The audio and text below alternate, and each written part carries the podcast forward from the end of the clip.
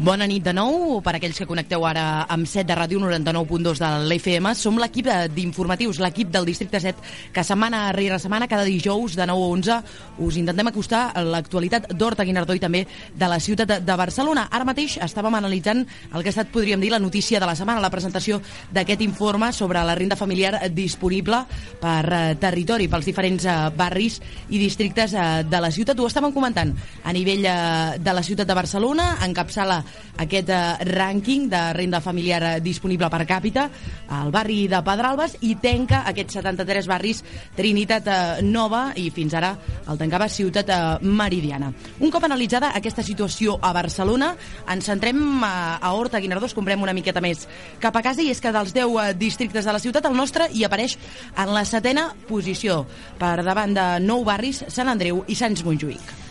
Així és, però tot i així el districte ha perdut una posició respecte al 2007. Segons l'informe d'Horta Guinardó, compta amb 15.000 euros per càpita. Per tant, s'aprecia que té menys de la meitat de la renda que Sarrià Sant Gervasi, que en té prop de 36.000 euros. Els resultats també mostren que Horta Guinardó és un dels districtes on l'índex de renda familiar disponible ha baixat més. Mentre que el 2007 era del 86,5, ara la mitjana és de 77,5. 7. També ha descendit a nou barris, Sants Montjuïc i Sant Andreu, mentre que ha pujat a Sarrià Sant Gervasi, Ciutat Vella, Gràcia i les Corts. I de moment, que l'Eixample es manté si ens fixem en els nostres barris, a Horta Guinardó, n'hi ha quatre que estan per sota de la renda mitjana del districte. Efectivament, aquests són el Carmel, amb un índex del 56,6, la Taixonera amb un 69,6, Montbau amb un 70 i Can Baró amb un índex de 77,4. Tots quatre estan classificats com a barris de renda baixa, sobretot el Carmel. A moda d'exemple, un veí de Pedralbes disposa de 4,5 vegades més renda que un del Carmel, per exemple exemple. I, contràriament, la Font d'en Fargues és el barri del districte millor posicionat amb una renda de 102. I ara posem a la mirada en tres barris del districte. Hem volgut exemplificar aquesta, aquesta realitat en, a, en aquests barris per fer-nos una idea de quins són els del Horta Guinardó que tenen doncs, aquesta renda més alta, com era el cas de la Font d'en Fargues, ara ens comentava la Sònia, i quin és el de la renda més baixa, que en aquest cas és el del Carmel. Per tant, posem la mirada en tres barris del nostre districte que són importants en aquest eh, informe. Comencem per la Font d'en Fargues, que com acabem d'escoltar és el barri del districte amb un nivell de renda més elevat. El barri de la Font d'en Fargues es troba al sud del barri d'Horta i al nord del turó de la Rovira, entre la font que li dona el nom i el torrent de la Carabassa. A principis del segle XX ja s'hi trobaven algunes cases, però és a partir de 1905 que s'aprova el projecte d'urbanització de les terres de Maspujol, actualment ocupades per pisos de luxe. Actualment, el barri és la zona resi eh, més residencial d'Horta Guinardó i també el barri amb la renda més alta del districte.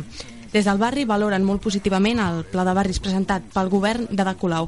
Escoltem a la presidenta de l'Associació de Veïns i Veïnes de la Font d'en Fargues parlar sobre el barri. Està, és, el, és el barri que té un índex de renta familiar disponible més bo del districte. Però, en canvi, en altres barris del districte, com el barri del Carmel, que és molt a prop del nostre barri, de fet, nosaltres fem frontera en el Carmel, que té un indicador de renda familiar disponible que crec que està per sota de 70, és a dir, que es troba eh, un 30% per sota de la mitjana de Barcelona. I pensem que és bo que tots els barris del districte eh, puguin tenir una renda familiar disponible semblant hem escoltat a Àngel Sorcau, la presidenta de l'Associació de Veïns i Veïnes de la Font d'en Fargues, i tal eh, com ens deia la Sònia, fent un repàs de l'actualitat del barri, en aquests moments el barri ha aconseguit que l'Ajuntament faci un full de ruta per remodelar i obrir al públic el passatge de l'Art Sant Martí, un carrer que actualment està en ruïnes i que era un dels principals accessos a dues escoles i una residència de gent gran. Tal com diu Urcau, ara s'ha de vigilar que es facin totes les passes. En aquest moment l'Ajuntament ens ha donat, ens ha facilitat un full de ruta, ens ha facilitat unes passes a donar i bueno, nosaltres la nostra funció és vigilar que aquestes passes es vagin fent una darrere de l'altra i que finalment aconseguim que aquest passatge sigui públic, accessible a tots els veïns I finalment, les obres de rehabilitació de la Masia Can Fargues per fer una escola municipal de música s'han endarrerit una mica, ja que s'han trobat troballes arqueològiques que estan catalogant. De totes maneres, l'associació creu que el curs vinent sí que es podrà gaudir de l'escola. Continuem un cop repassat de la Font de Fargues, com deia, el que encapçala aquesta renda familiar disponible per càpita aquí al nostre districte d'Horta Guinardó. Ara passem al barri de Sant Genís eh, dels Agudells, que situa més o menys a la meitat eh, del rànquing de la renda familiar disponible del nostre districte. Sant Genís dels Agudells és un barri que es troba limitat per la Ronda de Dalt, la carretera de la Rebassada i la ciutat sanitària de la Seguretat Social del Vall d'Hebron. Compta amb gairebé 100.000 habitants i la seva església és un dels elements més característics del barri. Es tracta d'una de les parròquies més antigues de Barcelona, fundada l'any 931, encara que l'edifici actual és del 1571. El seu cementiri parroquial també és emblemàtic al barri, ja que és l'únic que existeix a tota la ciutat de Barcelona. A l'informe de la distribució territorial de la renda familiar disponible per càpita de Barcelona, publicat per l'Ajuntament dimarts passat, Sant Genís del Segudell s'ocupa la posició 39 d'un total de 77 barris barcelonins, acumulant un 74,8% de renda, 5 punts menys que respecte al 2013. Fent un repàs de l'actualitat del barri, trobem dues notícies que ja hem mencionat anteriorment, però que recollim breument. Sant Genís dels Segudells ha començat l'any amb una nova imatge. La primera fase de les obres de millora dins l'illa que es troba entre els carrers de Sidó i Lladoner ha finalitzat després de 10 mesos. Carmen, de l'Associació del Barri, ens dona la seva opinió sobre les obres. han abierto ahí un trozo que desde aquello parecía un búnker y ahora pues te puedes pasear y bueno, sí, ahí sí que han hecho una cosa bien, la verdad. Un dels altres temes candents al barri, i no només a Sant Genís dels Agudells, és la cobertura de la Ronda de Dalt. Les associacions de veïns adjacents a la Ronda van mantenir una reunió amb l'alcaldessa de Colau per intentar agilitzar el projecte de cobriment d'aquest tram de la via. Lluís Carell, president de l'Associació de Veïns de la Taixonera, explica en declaracions a BTV que durant la reunió els representants veïnals van entendre que l'Ajuntament està en disposició de cobrir la Ronda de Dalt. L'Ajuntament no s'ha donat a entendre de que en cap moment ha tirat res enrere de tot el que s'estava fent amb l'anterior govern i, i ells no han paralitzat res dient de que això es demostra de que estan en la voluntat de, del cobriment de la ronda de el govern municipal ha assegurat que a partir de 2017 s'estudiarà mesures per pal·liar el soroll de la Ronda de Dalt i d'aquesta manera millorar les condicions de vida dels veïns del barri. Per acabar, segons aquest eh, informe que anem analitzant i que hem analitzat aquí al Districte 7, el Carmel és el barri amb la renda més baixa dins del nostre districte.